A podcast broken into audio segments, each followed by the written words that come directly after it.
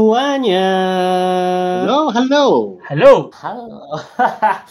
Wah, eh, episode baru, rekaman baru. Em, kali ini sama Babang yang sedang berada di Pulau Dewata ya. Roger, Apa Roger, ya? kakak Gun.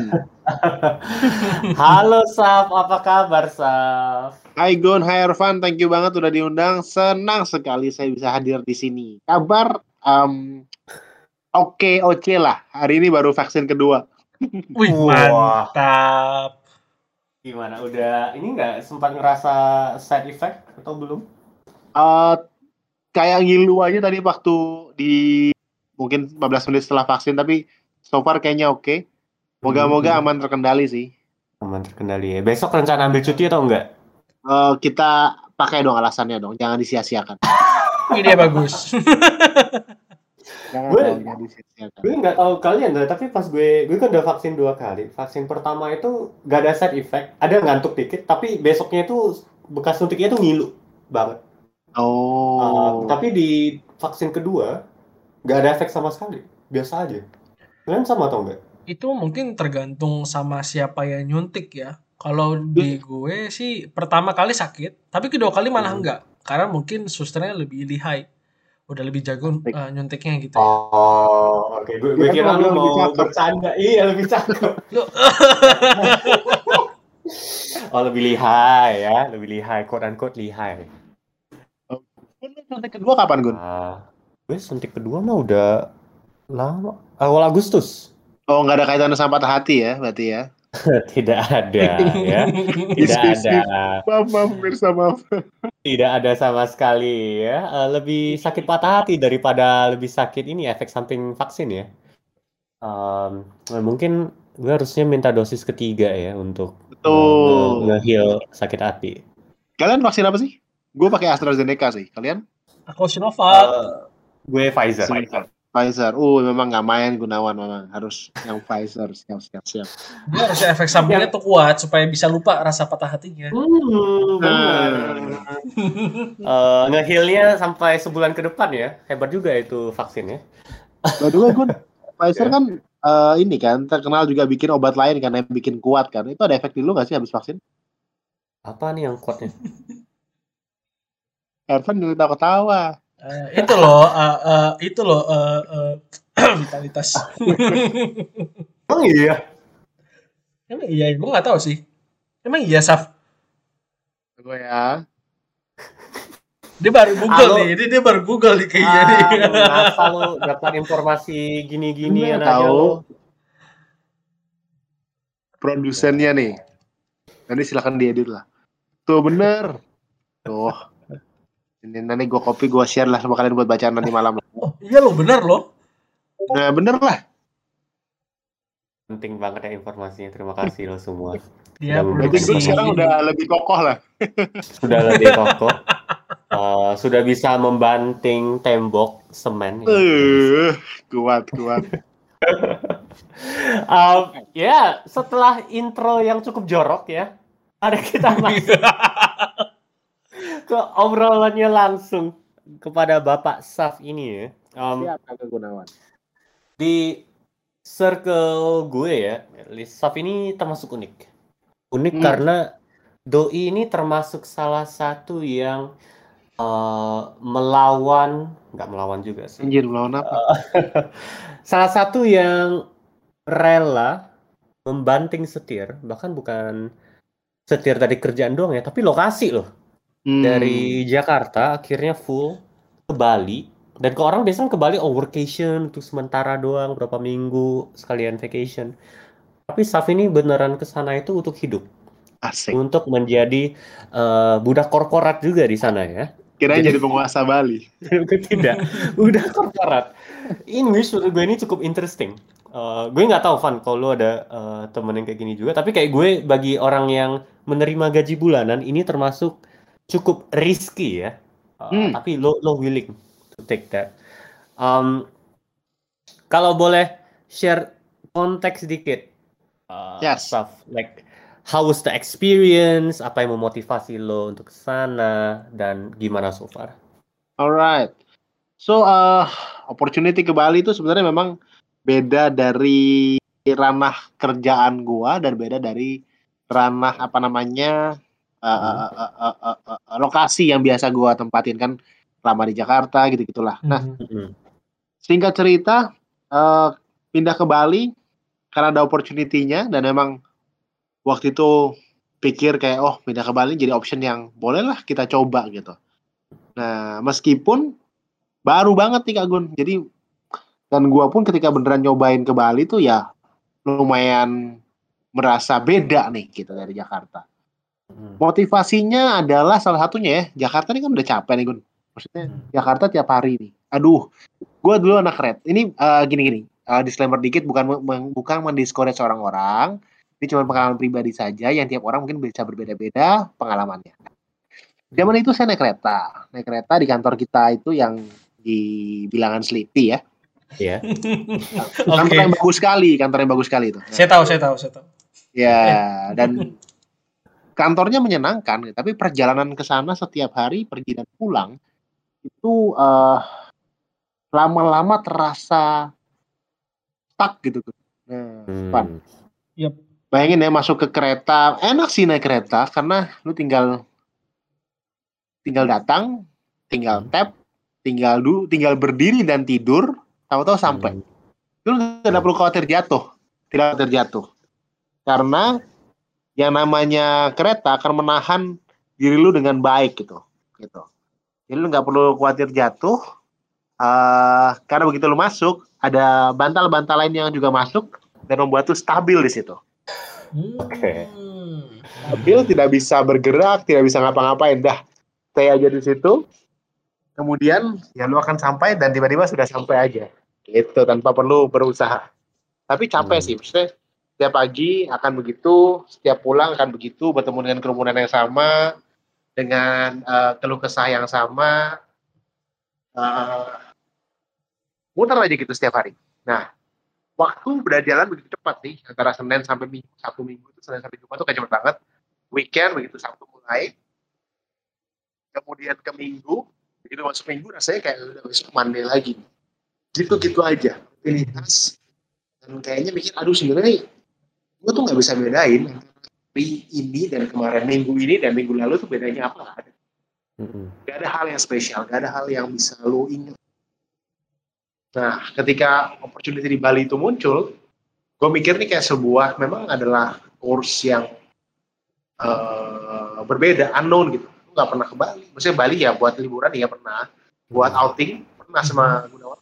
Bali kan kita outing. Nah, itu menyenangkan. Nah, tapi kalau co-working dan tiap hari, hal yang beda. Dari sisi orang-orangnya beda, dari sisi culture kerjanya pun belum pernah nih gue beririsan dengan culture. Kalau di Jakarta dia metropolitan seperti biasa lah. Mm-mm. Ada sempat sini so opportunity itu dapat itu jadi hal yang sebetulnya sih perasaan gue campur ya antara hmm, menarik gitu sama satu lagi kayak hmm, will I survive gitu will it be fun gimana ya di sana ya di sini kan gue gak punya keluarga gak punya teman segala macam Mm-mm. men Hmm. I see. Um, gue gue nggak tahu sih uh, untuk lo ya Van ya. Apakah lo pernah consider untuk move full ke uh, kota baru untuk tinggal? Uh, tapi kalau dari gue memang kalau misalnya orang bilang oh di Indonesia kalau mau pindah ke tempat kerja tertentu gitu itu kan langsung Bali ya pikiran pertama. Yang kedua Oke. ya Bandung gitu. Um, tapi tetap aja kan Bali maksudnya dibanding Jakarta kan secara opportunity-nya itu beda. Ya, itu one of the things sih beda. yang dibilang Iya. sih kalau lu mau cari karir carilah di Jakarta di Bali itu gak punya future lah karir ya Oh, oke. semua perusahaan ada di sini. Ya memang kalau lu cari kerjaan ya, misalnya kalau sekarang nih lu buka eh, job street Hmm, lu- atau buka LinkedIn, cari lokasi di Bali, hmm, lu cari kerjaan yang eh, ngomongin soal let's say benefitnya seperti Jakarta, dikit banget men, Oh, Hmm. oke. dikit banget. setuju, setuju. Kalau- Sebelumnya tuh gue sempat consider juga, jadi udah sempat lihat-lihat ini. Tapi gajinya kan ada yang berapa yang nunjukin gaji tuh kan ya. Oke, Tuh. ya elah ini mah kerja ke Bali tapi kehidupannya kayak makin ini ya, makin uh, menurun justru dibanding Jakarta ya. Terus gimana nih hidup sehari-hari pakai gaji cuma segini gitu? UMR sini kan setengahnya Jakarta, kan? Mm -mm. Setengahnya. Jakarta sekarang 4 jutaan lebih kan, di sini dua setengah. Tapi pertanyaan Saf, apakah di sana uh, untuk biaya hidup ya? Kalau untuk turis kita tahu lah, kalau untuk turis di Bali kan cukup pricey ya untuk kita pergi makan. Uh, warungnya nggak semurah warung warteg di Jakarta gitu. Kalau di sana sendiri murah-murah nggak sih makanannya untuk UMR dua setengah juta itu? Menurut gue sih, uh, bahkan di daerah turis pun, let's say lu ke Kuta atau ke Legian atau Seminyak, tapi lu bisa cari warung lokal yang memang bukan bukan destinasinya turis nah itu menurut gua harganya sih lebih murah ya oh. gitu nah beberapa bahan bahkan lebih murah dari Jakarta. Misalnya adalah bahan kesukaan kita gitu. Nabi misalnya. Nah itu saya ngomong hmm. si sate. Sate babi harganya itu adalah sepuluh ribu dapat udah sama lontongnya. Cepat dapat lontongnya. Terus kalau 15 hmm. Itu udah kenyang sih sama nasi nasi yang oh. nah, jadi udah satu setengah porsi lah hitungannya Or kalau mau hemat banget, lu pernah coba nasi jinggo gak sih, men? Pernah, oh gue suka banget tuh nasi jinggo. Nasi kucing ya? Bukan, nasi Betul. kucing, bukan. Uh, nasi jinggo prinsipnya mirip nasi kucing. Mm -hmm. Cuma nasi kucing kan dia ada banyak lauk sate-sate lah. Iya. Nasi jinggo ini banyaknya itu jadi biasa paketnya nasi dengan lauk, lauknya tapi sedikit memang. Seberapa sedikit kurang lebih kalau porsi normal, porsi biasa mungkin setengah porsi lah atau sepertiga porsi. Jadi lu makan dua hmm. atau makan tiga tuh udah kenyang kayak normal. Yeah. Nah isinya bisa jadi ayam, bisa jadi telur. Telurnya itu kira-kira isinya nih. Kalau isi telur, telurnya setengah, telur rebus ya setengah, hmm. balado. Terus ada sedikit kering tempe, terus ada sedikit mie, terus ada sambal. Oh. Kalau isinya ayam, lu masih dapat suiran-suiran ayam mungkin sekitar satu, eh, mungkin sekitar ya satu sendok makan lah segitu. Terus kemudian uh, ada mie, ada juga tadi si kering tempenya. Kalau hmm. isi ikan laut ya begitu, ada isi daging juga bisa. Kalau daging itu mungkin dapat empal, kurang lebih lebarnya adalah se dua jari, empat ruas jari lu lah, lebar segitu. Lebar juga ya. Dengan kering tempe, iya. Jadi kalau jadi kalau buat ganjil doang, makan satu sebenarnya sih fine dan buat lu bisa bisa aja kenyang gitu. Terus dia juga jual gorengan, bisa seribuan gitu. gitu. Gorengan tuh ada tempe, tahu. Gitu. Jadi kalau dibilang irit, ya kalau lu misalnya ke Bali dan makan nasi jinggo, ya kenyang banget sih, cukup banget lah. Hmm. Dan yang paling fantastis dari nasi jinggo adalah cabenya. Yo, um, cabai hijau, cabai merah. Pertama kali gue ke Bali, itu kan banyak yang nyoba nyuci makan-makan di sana ya jinggo uh, apa nuri segala macam yang paling memorable di gua tuh nasi jinggo karena seenak itu cabenya. Dan gue ya betul betul. tiga empat bungkus pan wah lo harus dan lu tiga empat bungkus pun iya tiga empat bungkus pun udah kenyang parah. Keluar cuma lima belas dua puluh ribu gitu. benar benar. Dan yang lebih amazing lagi pas dibawa mau pergi makan nasi jinggo dia kan ikut aja sama teman terus kita kayak pergi di pinggir jalan terus ada motor terus ada kantong hitam gede deh isinya nasi jinggo gitu Yo iyo iyo iyo betul. Jualannya kayak motor gitu loh. Itu kayak lucu banget kita berhenti. Oh ini ini nih udah makan mau makan di sana mau bungkus. It's a it's a very local experience lah kalau dari pengalaman gue ya. Wah. Hmm. Harus nasi jinggo, liur gue udah mengalir nih sekarang nih. Dan menyenangkan nasi jinggo itu kan dibungkus pakai daun pisang bun. Jadi wangi-wanginya hmm. tuh lain. Bukan nasi bungkus hmm. biasa. For sama di sini daun pisang lumayan murah sih kayaknya semua dibungkus daun pisang. mungkin ya, mungkin recyclable daun ya. pisang.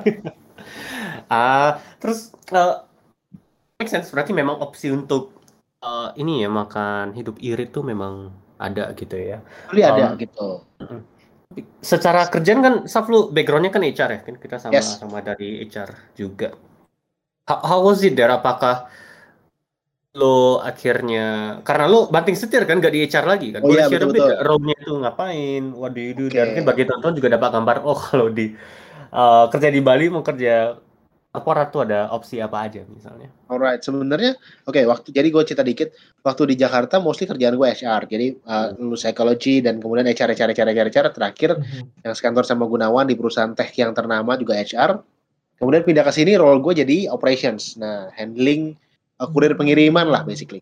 Logistik company kurir pengiriman handle-nya. Se- nyambung apa enggak sama HR nyambung nyambung enggak lah. Nyambung dari sisi bahwa yang diurusin orang iya.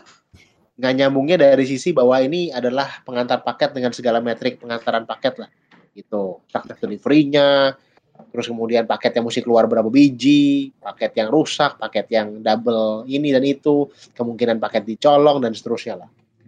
Gitu. Nah hmm, dari ya, dari seberapa beda itu cukup beda jadi kalau ngomongin opportunity di Bali sebenarnya memang Bali pada waktu gua ke sini itu eh, masih banyak banget hotel kan masih pra- tourism masih oke banget lah Mhm. hotel oke, kemudian dari sisi uh, tour leader gitu-gitu, jasa turis itu oke. Mhm. Banyak orang-orang yang sebetulnya nggak punya pendidikan apa-apa, Gun, cuman punya mobil aja. Hmm. Udah dia sewain jadi turis, dia cuma nongkrong di bandara tuh. Dapat dapat uh, kok jadi pasien sih, dapat tamu, dia bisa jadi tour leader. Uh, kemudian karena cukup banyak juga attraction di Bali yang membayar tour leader, nah mereka tebel sih, Gun. Hmm. Gue cerita dikit kali. Di zaman itu tour leader itu atau ya tour leader inilah ya, tour leader apa namanya amatir gitu, Mhm. tanpa sertifikasi, cuma modal mobil aja. Mereka tuh ada satu misalnya gini, satu tempat makan yang gue tahu di Bali, di Ubud. Hmm. Nah itu harga makanannya itu, let's say satu porsi bebek. Bebek tuh setengah Hmm. porsi, setengah maksudnya setengah setengah ekor ya, setengah ekor dengan nasi bebek goreng lah. Itu harganya 145 ribu. Mhm. 145. Si tour leader itu ah eh, 145. Nah, dia ketika bawa klien ke situ, dia akan dapat 30% dari gross. Hmm. Jadi dapat 50 ribu tuh per porsi. Jadi misalnya kliennya persen yang sama, berarti anggaplah 150 biar gampang ya. 150 kali 3, dia dapat 150 ribu. Karena 30% kan. Terus, eh, porsi makanannya dia, itu kan semua dibayar sama klien kan. Tapi porsi Hmm. makanan dia, dia akan dapat refund full 100%. Hmm. Jadi dia dapat 150 ribu lagi. Di samping itu kalau misalnya dia nyata nggak makan di situ, dia tuh di di ruang lain tuh disiapin kayak buffet. Hmm. Nah, jadi jadi in case dia nggak makan sama klien, dia bisa ke buffet situ. Dan di buffet situ disiapin juga semacam apa ya, guest relation lah. Jadi eh karyawannya juga di situ, pramusajinya lah yang ngambil-ngambil makanan, ngajiin gitu-gitu loh. Nah, jadi Hmm. ada cukup banyak tempat-tempat yang sebenarnya sangat memanjakan tour leader sih di sini. Gitu. Hmm. Jadi Iya. lumayan kan lu dapat 150 ribu, dari kali dua ya 300 ribu itu buat makanan aja belum dari minuman kan. 300 ribu, kemudian masih dapat bisa bungkus juga gitu gitu.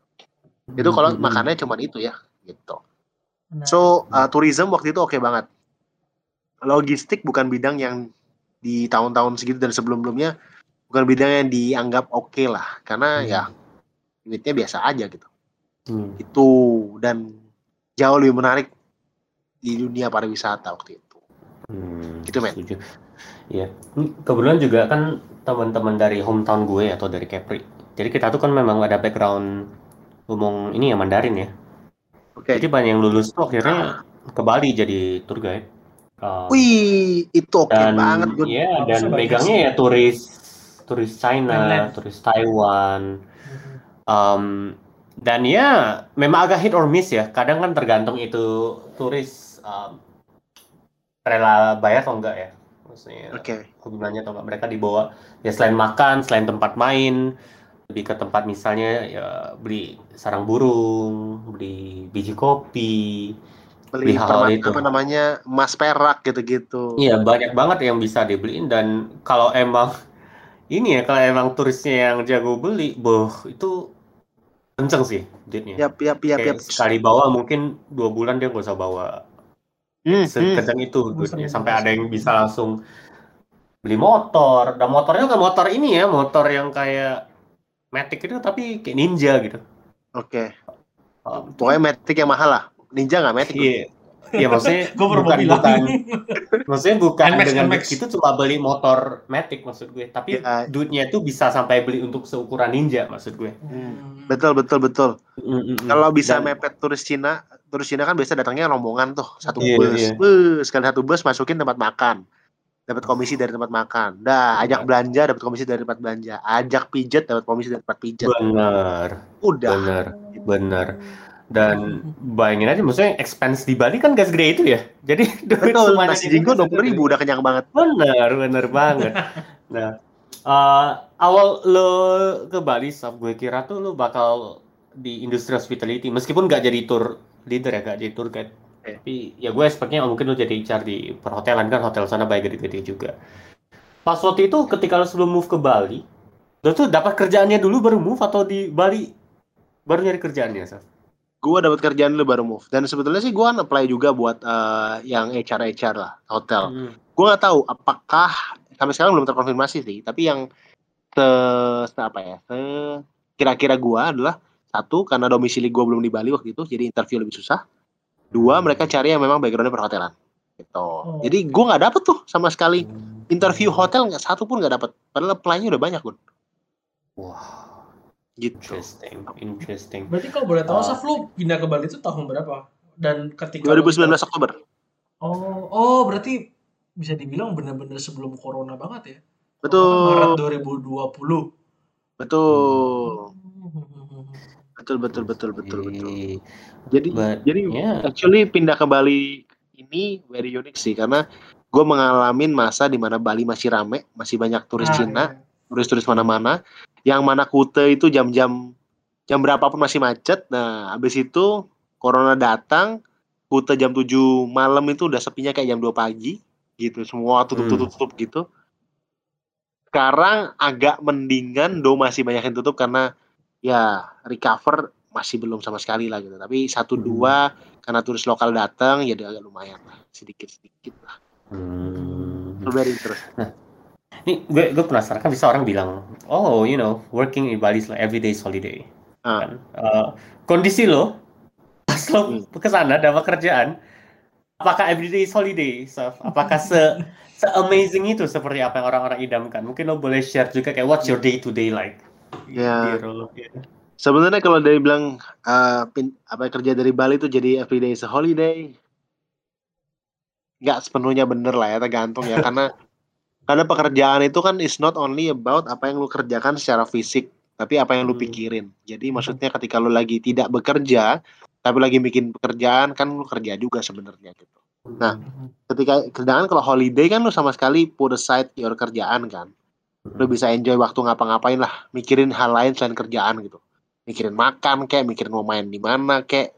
Hmm. Nah, di keseharian gua, waktu awal-awal gue pindah ke Bali, gue pikir kayak wah tiap hari ini bisa asik nih. Eh, satu Iya. sisi pekerjaan itu tetap demand. Jadi apa ada beda rasa bekerja di Jakarta dan di Bali dari sisi pekerjaan gak ada. Oke. Sama aja kerjaan begitu aja. Ada konkol-konkol, ada meeting-meeting, ada deadline-deadline, ada ono ini, ada Jam, drama-drama. jam kerjanya gimana tuh Saf di role sekarang?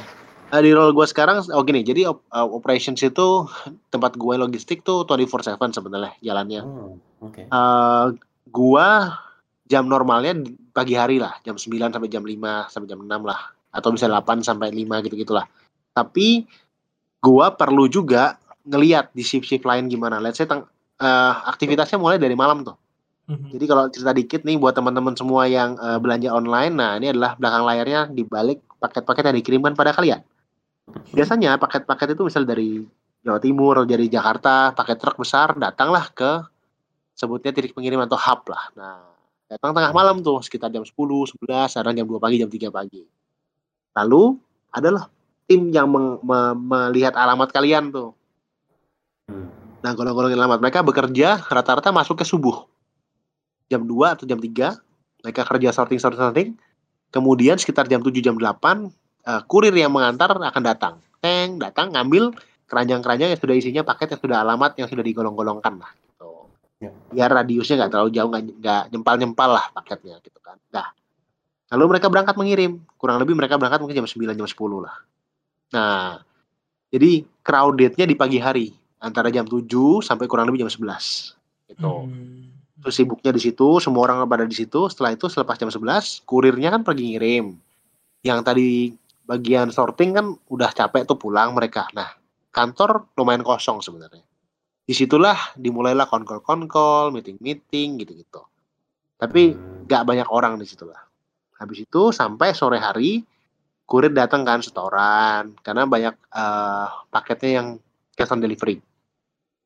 Gitu. Jadi bayar di tempat lah. Mhm. Gitu. Yang mana mungkin kalau di negara lain banyaknya yang sudah bayar duluan gitu ya. Kalau di Indonesia Hmm. lebih tempat gua itu bayarnya ya pas barang datang gitu. COD. gitu. Nanti gue cerita satu dua hal yang menarik dari situ. Nah, kemudian selesai eh itu semua aktivitas ditutup kurang lebih jam 10 malam lah. Jadi kasir semua stop eh, pengiriman, maksudnya kurir sudah pada balik semua. Udah, shiftnya selesai di situ. Semua orang pulang. Nanti dimulai lagi jam 2 gitu. Gitu terus. Hmm. Rutinnya sih gitu.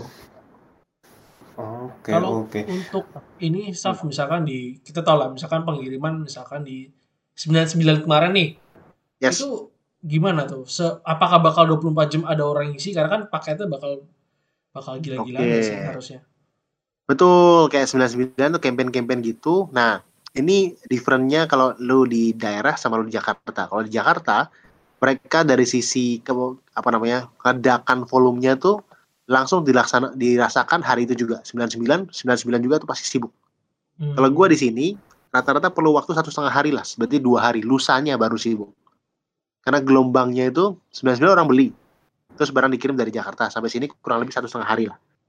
Nah baru lusanya baru sibuk tuh. Jadi dari volume naik, em, biasanya volume naik sampai satu setengah kali lipat lah, mungkin kadang-kadang sampai 1,75 kali lipat gitu.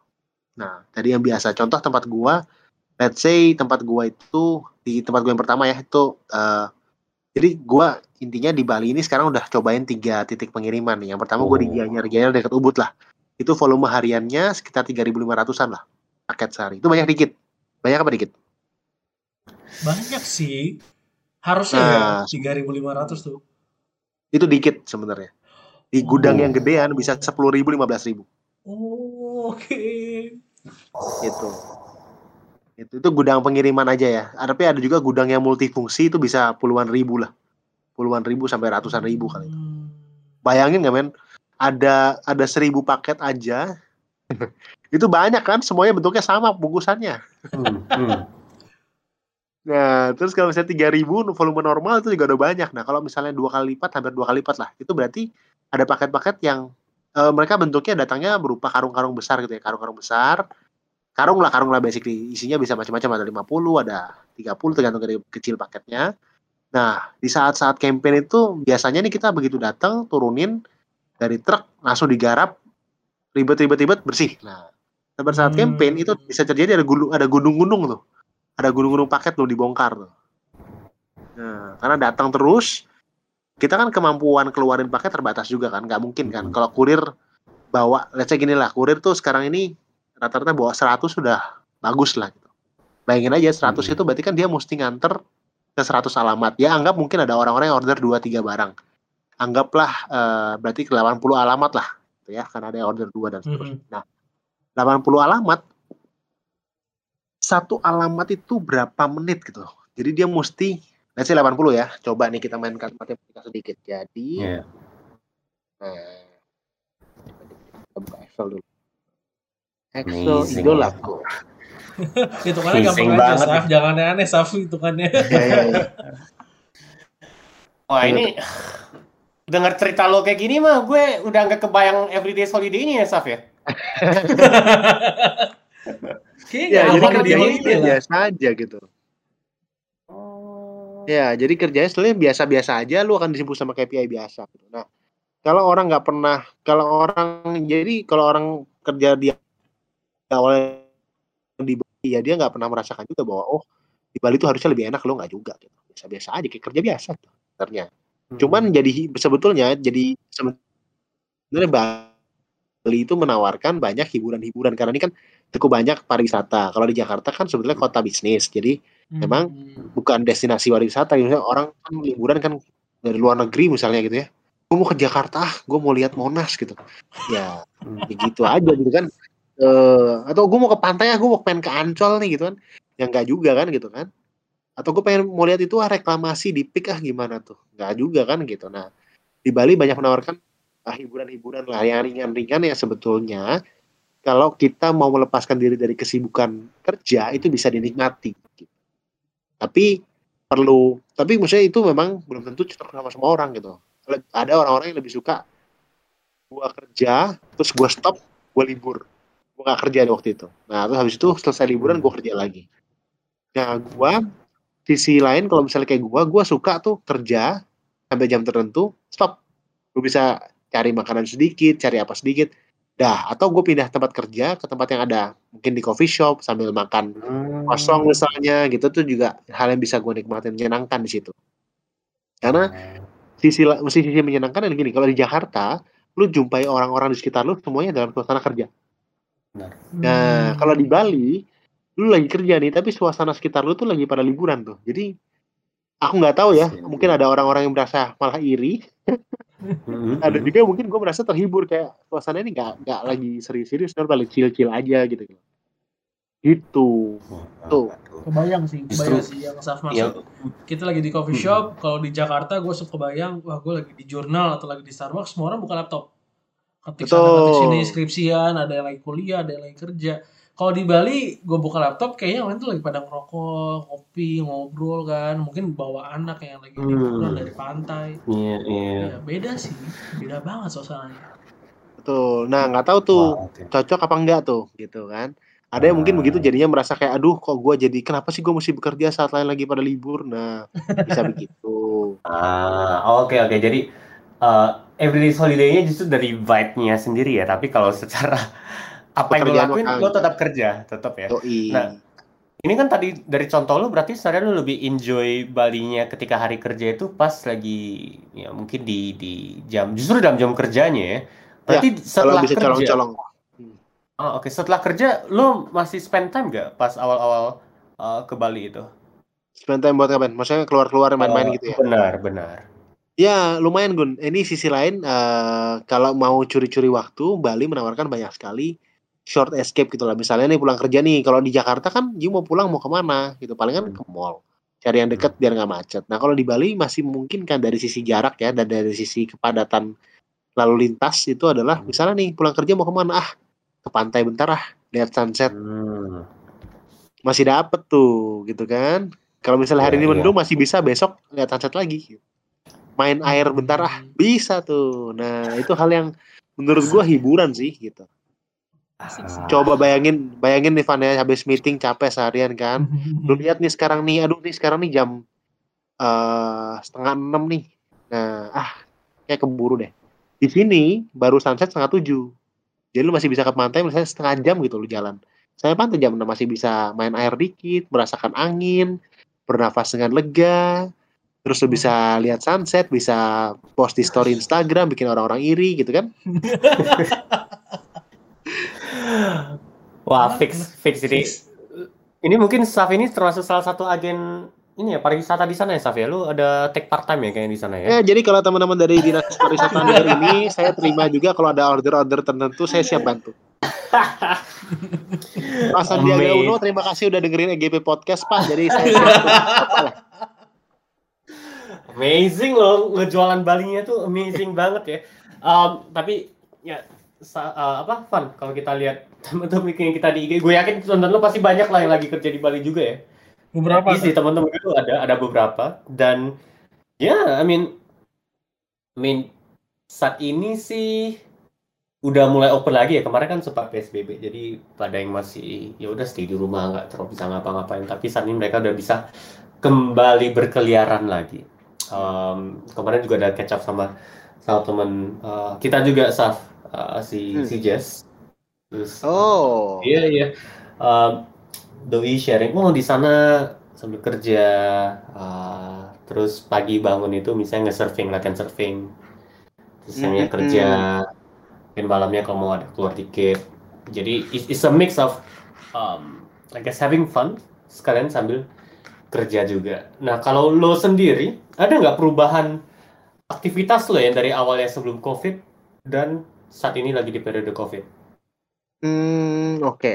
Kalau aktivitas dari sisi pekerjaan sama Gun, karena tempat gua ini tidak tidak memungkinkan buat WFH, jadi pasti WFO. Kerjanya biasa aja, tetap di situ. paling protokol aja lebih ketat mesti macam-macam lah kita bikin SOP-nya gitulah tapi dari sisi hiburannya hmm dari hiburannya um, ini gue nggak tahu ya jadinya satu sisi kasihan satu sisi lain bersyukur kalau bisa tempat-tempat yang padat dan susah dikunjungin nah sekarang kosong tuh jadi lebih gampang Oh, buat oke. kunjungin gitu nah dari sisi aktivitas lainnya oh tapi sisi lainnya misalnya biasa ke pantai terus PSBB atau PPKM nggak bisa ke pantai ya itu juga terpengaruh sih. Gitu. Hmm.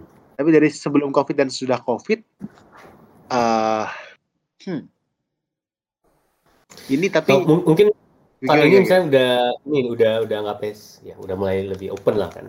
Yap. Uh, how how do you spend your leisure time? So sekalian nih bisa jadi duta pariwisata nih apa yang bisa kita lakuin di Oke. Bali. Jadi Bali menawarkan banyak ini sih. eh, sekarang sekarang ini ya. Kalau ngomongin soal Bali sekarang banyak diskon dari Hmm. tempat-tempat yang kecil maupun yang besar. Nah, diskon-diskon ini apa sih? Misalnya makanan, tempat buat nongkrong. Jadi kalau dibilang biasa gua ngapain leisure time-nya banyak ke banyak explore coffee shop. Kan Ba- Uh, Bali be apa ya banyak inilah coffee shop yang konsepnya beda-beda menawarkan makanan-makanan yang beda juga dengan specialty yang beda-beda nah itu interesting buat diekspor satu-satu gitu ini dari sisi coffee shop Eh, kemudian kalau dari sisi lagi yang lain how do I enjoy my time di Bali ya tadi nature menyenangkan sekali Eh, lu bisa ke pantai lu bisa dalam jarak yang sama waktu yang sama lu bisa ke gunung Em, gunung tuh misalnya Kintamani dengan pemandangan yang wow kalau kalian pernah Kintamani gak sih? Belum. uh, gue Belum, oke, you should. Aduh, perlu banget ke situ, men, men itu. Hah, menyenangkan. Nah, eh, gitu. Terus kalau misalnya lu mau stay, nah kalau lu mau staycation atau workation dari beberapa tempat, mereka juga banyak ini sih. Maksudnya jadi diskonnya banyak, jadi bisa stay di situ. Misalnya nih, ada satu tempat di Ubud namanya Wakanda. Eh, waktu itu gue pergi Beneran sama nama Wakanda. Iya namanya Wakanda gitu ya sama pacar pergi ke sana. Nah di situ tuh eh, dia gini men, eh, modelnya dia itu satu room itu berapa sih harganya lupa. Kue harian itu dua ratus ribu. Tapi kalau lu mau stay seminggu bisa jadi 150 apa sepek gitu. Wow, oke. Ya. Nah itu di roomnya itu lu ada bathtubnya, bathtubnya pakai batu utuh terus dibelah dikerokin gitu. Oh. Bisa air panas, eh ada kolam renang, view-nya itu lu bisa bangun kalau ambil room yang tertentu lu bisa bangun ngadepnya ke timur. Jadi lu bangun pagi, lu lihat sawah di depan lu, lu lihat matahari terbit dari ujung-ujung sawah situ. Gitu. Kayak Lu tempat bangun honeymoon ya. Wah. Oh jadi honeymoon. ya kerja dong Pak kerja Pak. Jadi habis itu lu sambil bisa Ya. jadi kaca besar itu lu bisa duduk ke sana sambil pegang kopi, minum kopi anget-anget. Nah, gua rasa sih inspirasi sih mengalir lumayan deras sih Pak. Hmm. Wah. Lo lo juga salesnya Wakanda ya kayaknya ya, Saf ya? Ya Wakanda, ya. terima kasih banyak. Account saya sudah saya share ya nanti ya tolong di Amazing Terus, banget sih lo Eh, ini. lain ah. lagi adalah Bali itu juga banyak ini sih, maksudnya karena di sini masih ada komunitas bule yang nggak pulang-pulang kampung. Lalu punya banyak banyak ini sih, banyak opportunity buat eh, ekstrakurikuler yang dengan ini, apa sih maksud gua dengan bertemu orang yang macam-macam gitu. Jadi gini, Hmm. co- contoh-contoh Toastmaster, Toastmaster eh, itulah apa namanya lembaga buat belajar speaking dan Public speaking. public speaking bahasa Inggris lah.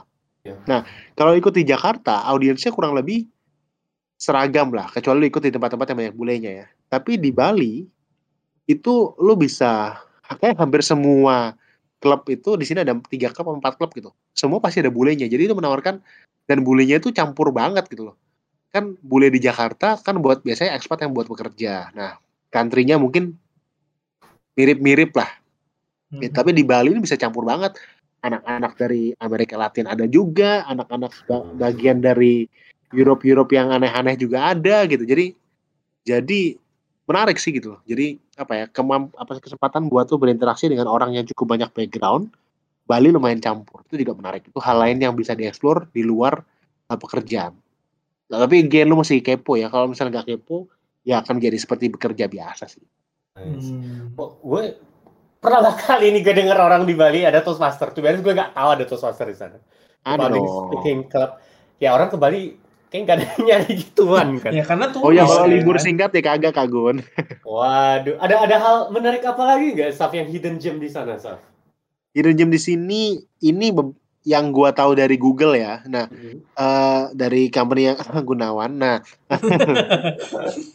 dan dan dan maksudnya kalau misalnya lu tidak bekerja di Bali, lu tidak akan punya cukup waktu lah buat ke situ gitu. Misalnya nih ada Hmm. ada apa namanya ladang kan orang Bali itu sembayang kan, sembayang. Ya. Nah, ini gue mau cerita soal people in Bali. Nah, orang Bali sembayang, mereka selalu ada bunga dan segala macam buat persembahan dan segala macam. Ya. Nah, eh, bunga ini berarti kan dibutuhkan terus. Jadi di Bali juga ada padang-padang bunga. Kalau di Belanda punya tulip, kita punya juga padang bunga marigold. Marigold itu kalau belum Oh. tahu silahkan dicari sendiri ya. Marigold tuh bunga apa sih kalau Indonesianya? Marigold. Gue inget marigold tuh inget biskuit sebenarnya. Apa gue karena lagi Oh lapar? wow, bagus sekali. Marigold tuh ingatnya minuman ya, minuman brand minuman jus-jusan sintetik. Eh, apa ini Marigold? Gue pikir minuman keras kan, ternyata bukan ya Oh, sintetik ya. tidak, tidak Habis- ya. Brandingnya Gunawan tuh pasti itulah hardcore lah pokoknya hidupnya gitu. Marigold. Peony bukan sih, bukan ya? Eh, bukan, peony itu kan yang gede banget itu kan. Marigold tuh apa sih? Temukus ya? Apa gimana sih? Gue makin lebih gak tahu lagi tuh mungkus apa. Temukus. Oke lah marigold marigold. Oke, Marigold, Marigold. Nah, Kenikir namanya. Keniki. Nah, buat Kalau yang di Bali itu namanya bungan mitir atau gemitir. gemitir. Oke. Itu kosakata bahasa Indonesia baru, gemitir sama dengan Hmm. marigold. Benar. Nah, itu ada bunga di Bali yang kalau lu lihat di wallpaper wallpaper kan bunga tulip, ini bunga marigold gitu sepanjang jalan. Amazing sih. Banget ini gue lihat dari image doang ya. Iya, tapi itu ya jauh gitu. Maksudnya kalau dari Kute itu mungkin ya sejam sejam setengah kali gitu. Hmm. Nah, kalau lu nggak nggak nggak cukup lama di Bali kan jadi nggak sempat juga ke situ kan gitu. Kalau cuma tiga hari ke sana ya udah udah habis lah tiga hari. Kalau misalnya kalau waktu cuma tiga hari di Iya. Bali. So kalau lu punya waktu lebih lama, memang apalagi di zaman di saat sekarang ini itu eh, banyak yang bisa dieksplor sih. Kalau enggak, hmm, apalagi tuh spot-spot kayak snorkeling gitu kan ada ada juga di sini. Jadi snorkeling, Hmm. water sport. Kalau kayak Jazz kemarin bisa belajar surfing. Nah, Hmm. hmm, apalagi surfing sama Oh. paddling. Hmm. Iya. Makanan deh nih, kan gue tahu Saf foodies banget ya Saf. ya. Ada Ih, nggak hidden gems atau food-food yang lo akhirnya ke sana kayak, uh ini mah bukan tempat mainstream tapi very delicious gitu loh. Oke, eh beberapa tempat non mainstream yang ada di Bali yang pernah gue coba dan enak.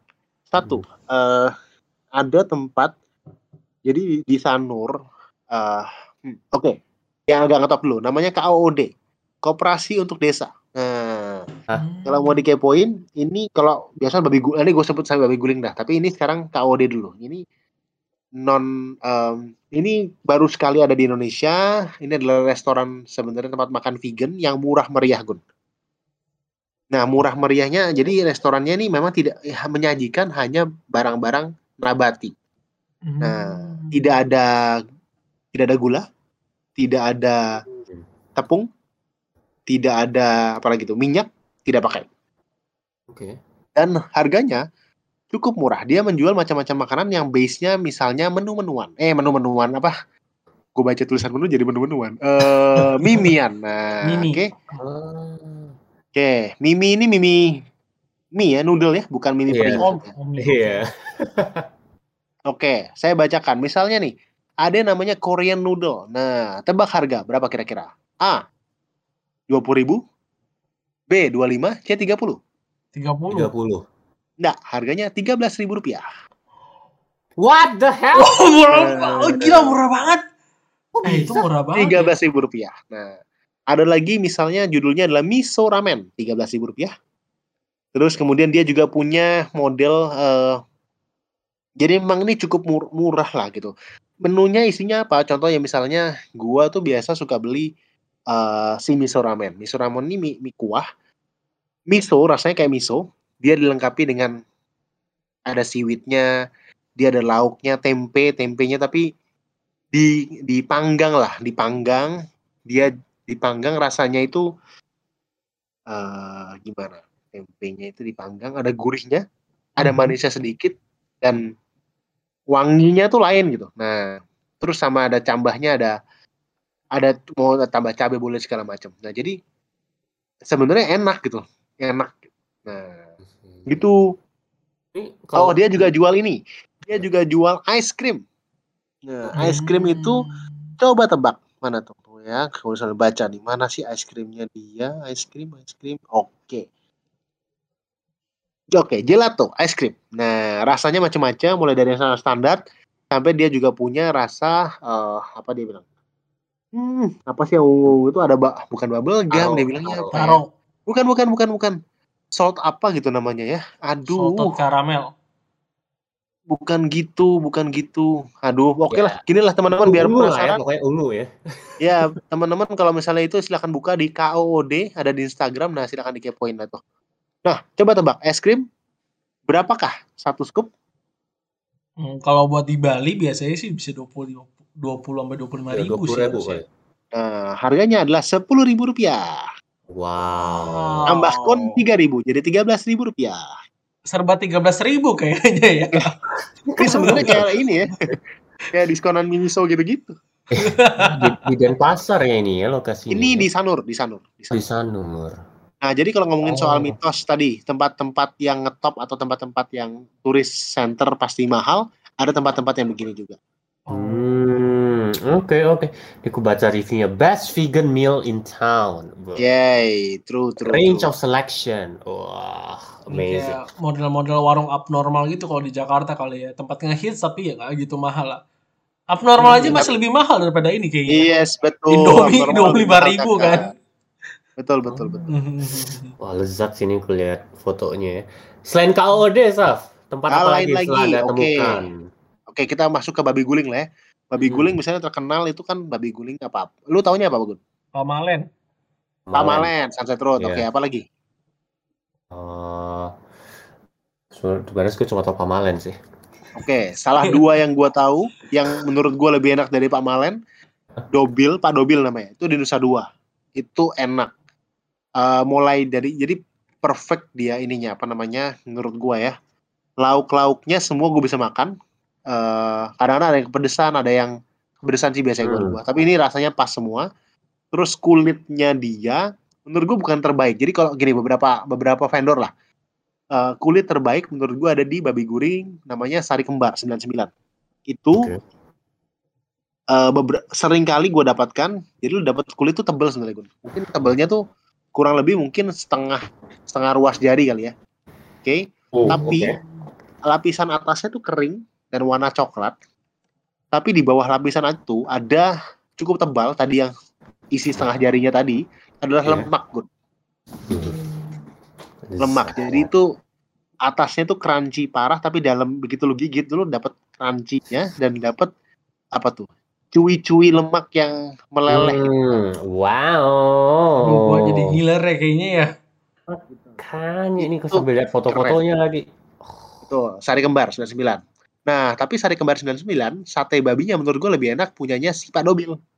Oh. Gitu. kombinasi. Pak Dobil itu andai kata nggak dapet eh, kadang-kadang namanya babi kan kulitnya terbatas ya gitu kan. Hmm. Nggak bisa beli meteran kayak ini kan. Hmm. Veteran. Nah, tapi si si Pak Dobil punya sate. Sate babinya enak. Sate babinya itu eh, lebih ke manis tapi gini kan dagingnya itu rata-rata bumbu genepnya Bali itu asin dan pedas dan berempah. Hmm. Diimbangi sama ra- jadi ada rasa manisnya dari sate ini komplit gitu rasanya lu dapat asin gurih Oh. pedas dapat manisnya juga satu tusuknya 2.500 lah Tuh. gitu Oh, jadi kalau dibandingkan sama sate di ahem, Old Market pasar lama ya mahal Iya. Jauh lah. gitu nah Oh, hmm. hal lain lagi kalau misalnya lu di Bali cukup lama lu bisa eksplor babi guring lain namanya babi guring slingsing. Itu di Tabanan. Waktu itu ke sana gue rame-rame ada teman sama pacar gue di sana. Nah di situ tuh ada jadi dia buka nih memang spesial sore sampai tengah malam. Hmm. Eh, por apa yang membuat dia lebih wah dia dap oh gue lupa nih dia ada satenya apa enggak ya? Anggap nggak ada di satenya. Hmm. tapi gini rasa si tadi kulit babinya itu yang punyanya si 99 sari kembar dapat yang lain-lain lauknya kayak punyanya Pak Dobel dapat cuman porsinya lebih banyak.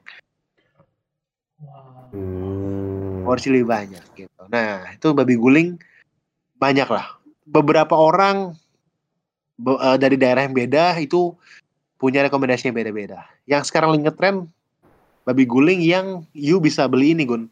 Eh, Van. Mhm.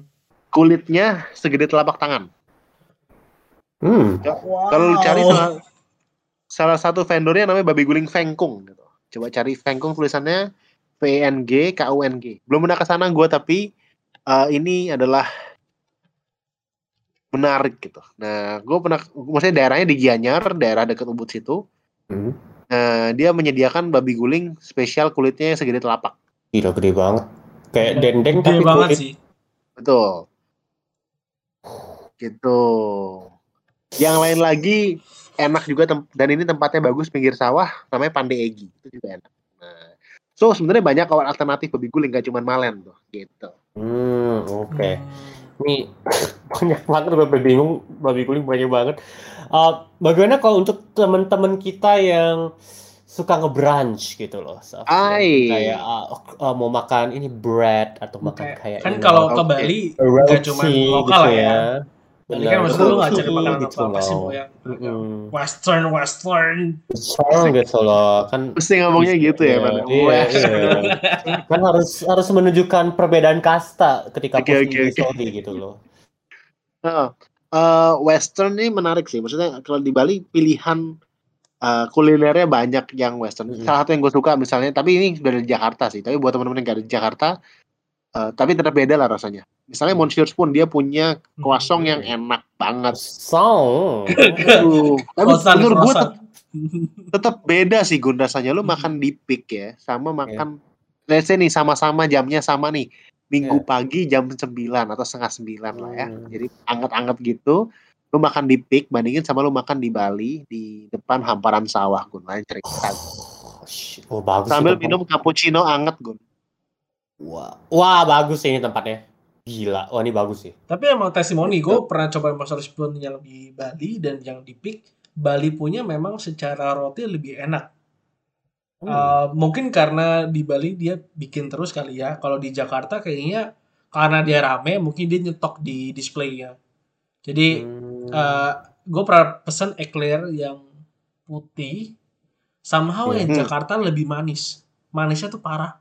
Nah kalau di Bali tuh kayak pas pas banget lah. Mungkin karena pemandangannya sawah juga kali ya. Tapi Iya. bener-bener pas lah enak banget. Tapi pas gue coba di Jakarta dia kayak em, kayak kurang lah kurang banget kalau dibanding Mungkin dia stres kali Van di Jakarta Van. Hmm, Aduh. pas keluar aduh polusi aduh aduh rame banget Yes. Yes, yes. Di Bali lu bi- maksudnya gini, apa ya, vibes-nya tuh lu bisa banyak nemu tempat-tempat santai gitu. Mm-mm. Hmm. Even ada kedai kulo, kulo kopi-kopi itu, kulo-kulo. Iya, iya.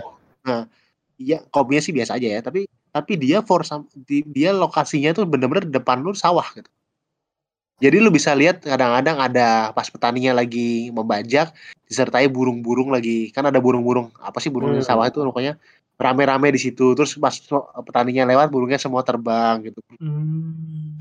Terus nyamperin lagi itu pemandangan yang menurut gua eh, menghibur lu lah di tengah-tengah kerjaan lah. Hmm. Atau mendistract lu jadi gak kelar lah kerjaan lu. Ngeliatin burung aja ya. Burung ini, burung itu gitu ya. Eh, burung sendiri, burung sana burung gitu kan. sendiri, burung tetangga, diplototin Iya. gitu ya. Wah, aduh ini, Saf, Anda sangat berdosa membuat gue jadi ingin ke Bali cepat. Hmm. Ah, tapi karena kejebak di pulau. Ini karena kena, kenapa? Karena di Singapura ini, I mean, ada lah ya tempat-tempat kafe-kafe gitu kan. Tapi beda, kayak untuk nuansa mau cari kafe yang ada apa ya, nuansa alamnya. Either Hmm. kalau di Bali kan ada sawah, ada pohon, ada tanaman segala macam, outdoor-ish.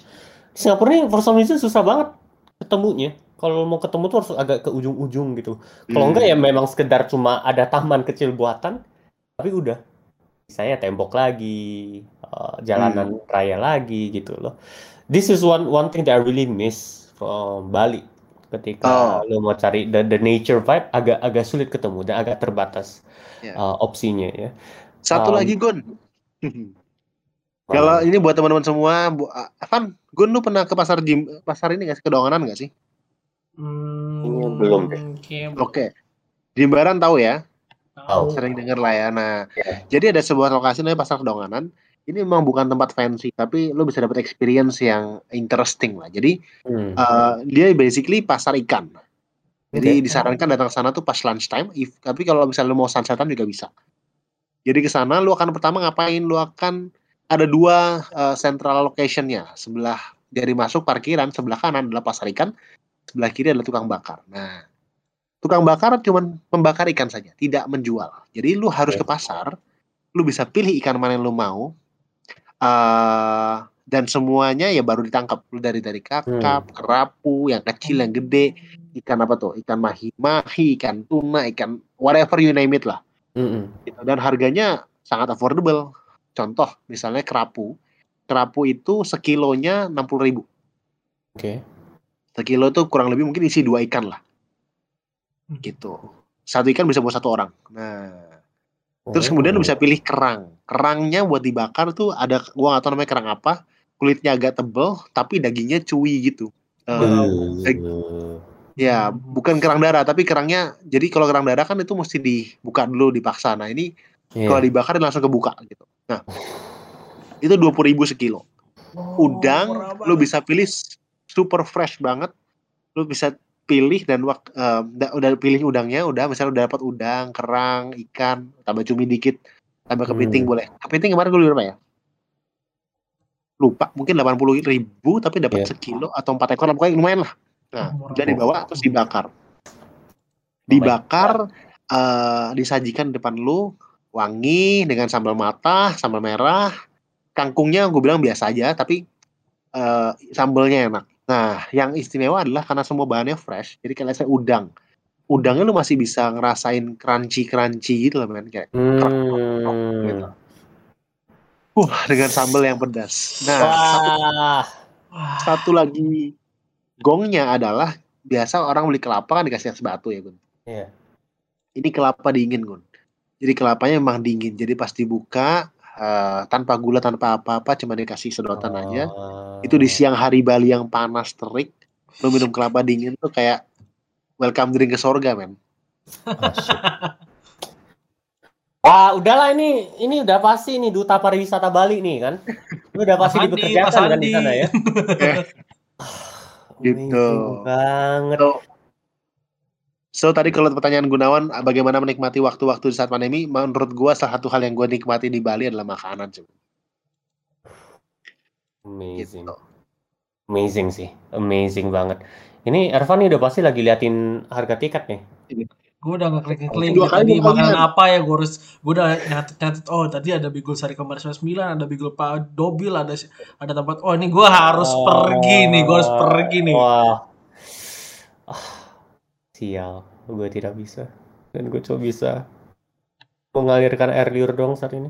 Um, but interesting sih. Uh, definitely nih ya, Saf ini kalau gue ke Bali harus gue ini ya harus ketemu untuk minta rekomendasi nih ke mana uh, tempat-tempat menarik lagi. Kayaknya Saf banyak banget dari di listnya yang belum dia keluarkan ya kayaknya tempat-tempat favorit.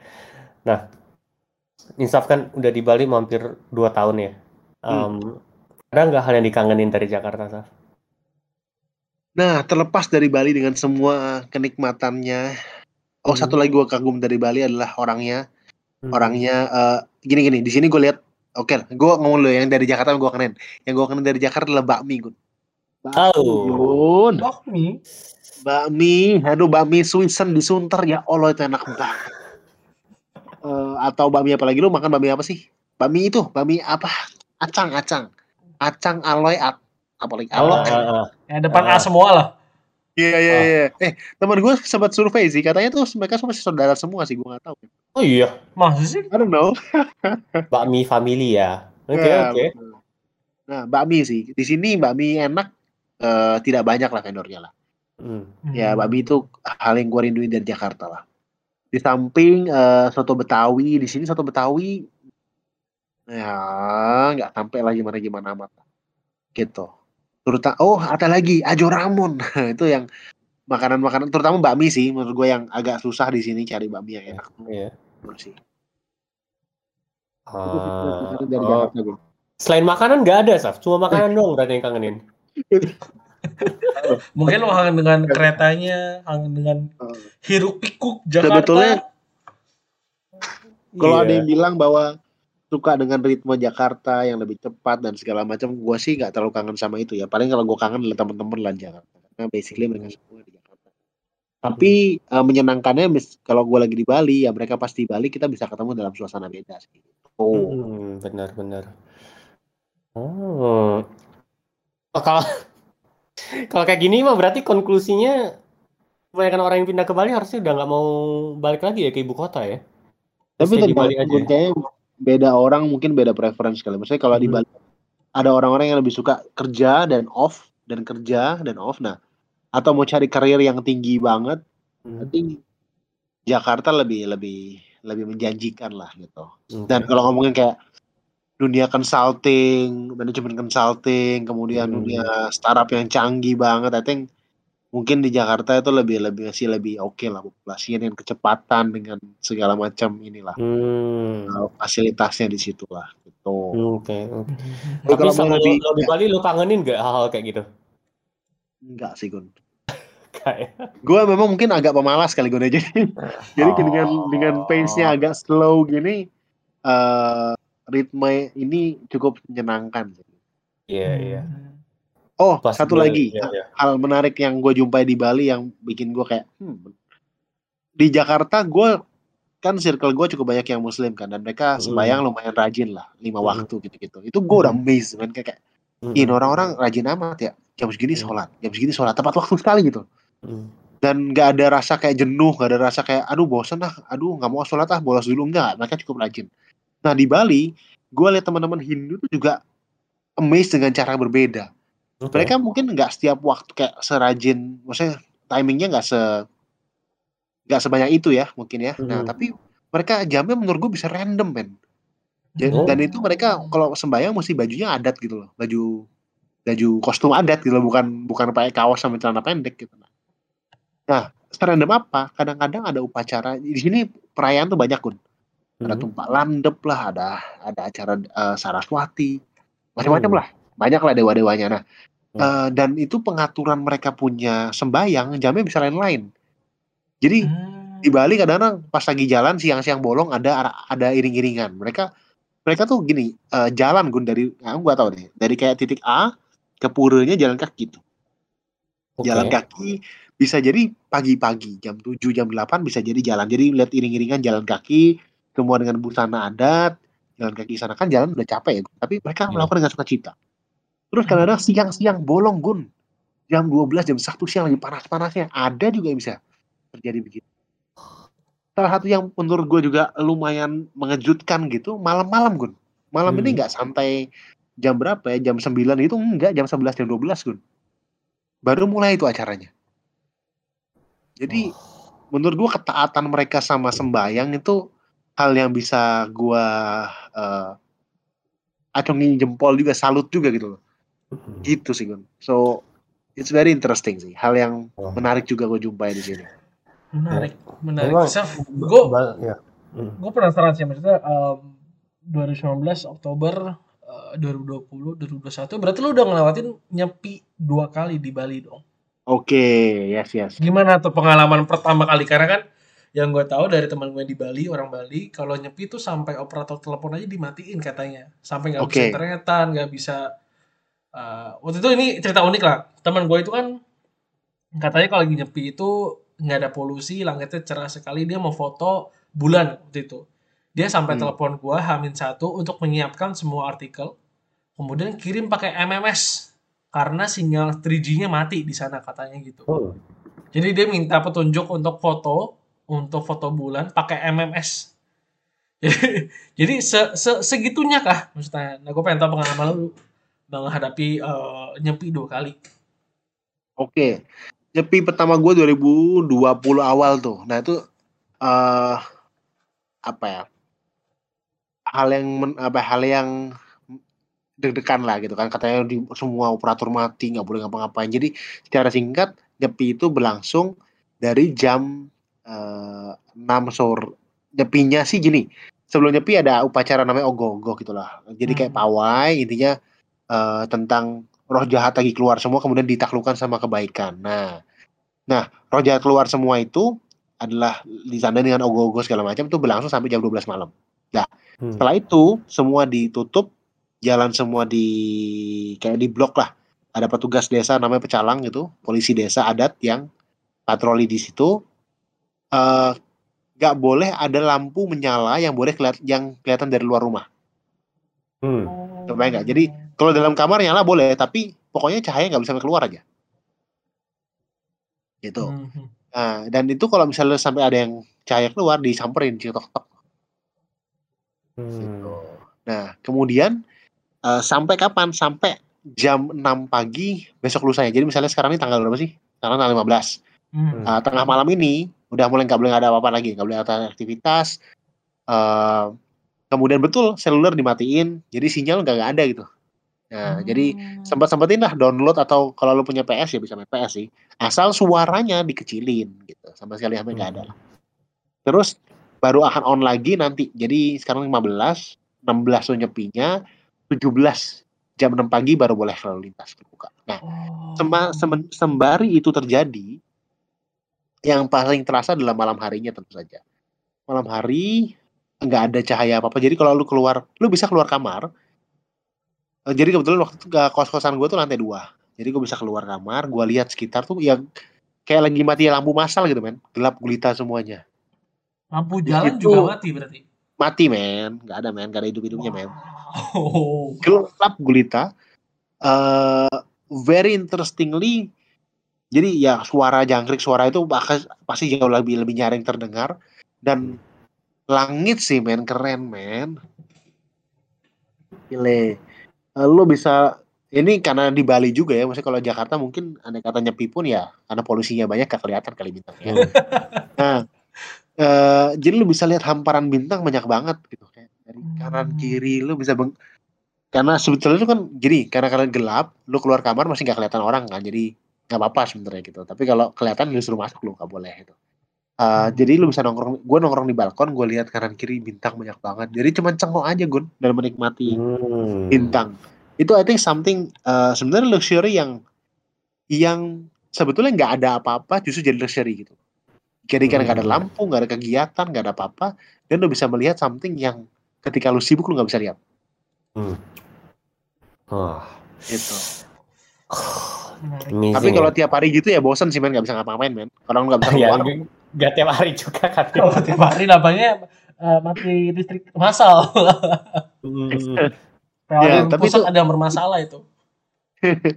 tapi itu very Hmm. interesting sih lu punya waktu uh, for somehow bisa ambil gini ambil waktu sejenak buat lo bener-bener nggak nggak ngapa-ngapain Hmm. nggak Hmm. disibukkan sama apa-apa Hmm. Oh, Ini setelah lo ini ya ngerasain vibe di Bali, eh, culture-nya di sana, eh, merayakan hari besarnya bersama juga, eh, perbedaan ini ya, perbedaan pace juga dibanding pas di Jakarta.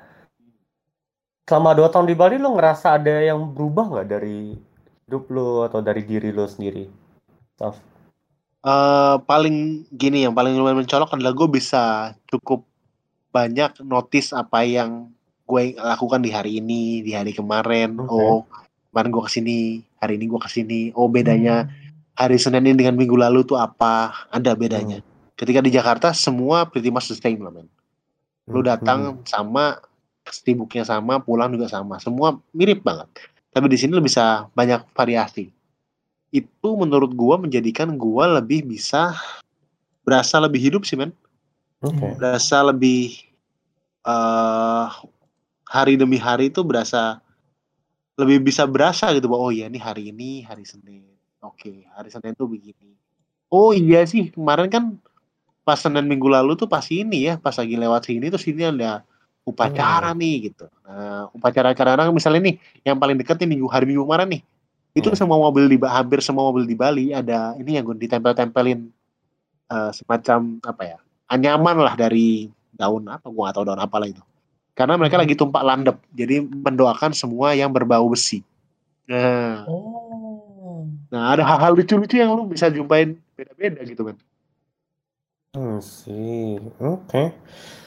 Ah, ini ya karena mungkin memang pace di sana juga lebih pelan ya. Kita lebih bisa kayak nikmatin apa yang ada di sekitar kita, benar kita liatin satu persatu.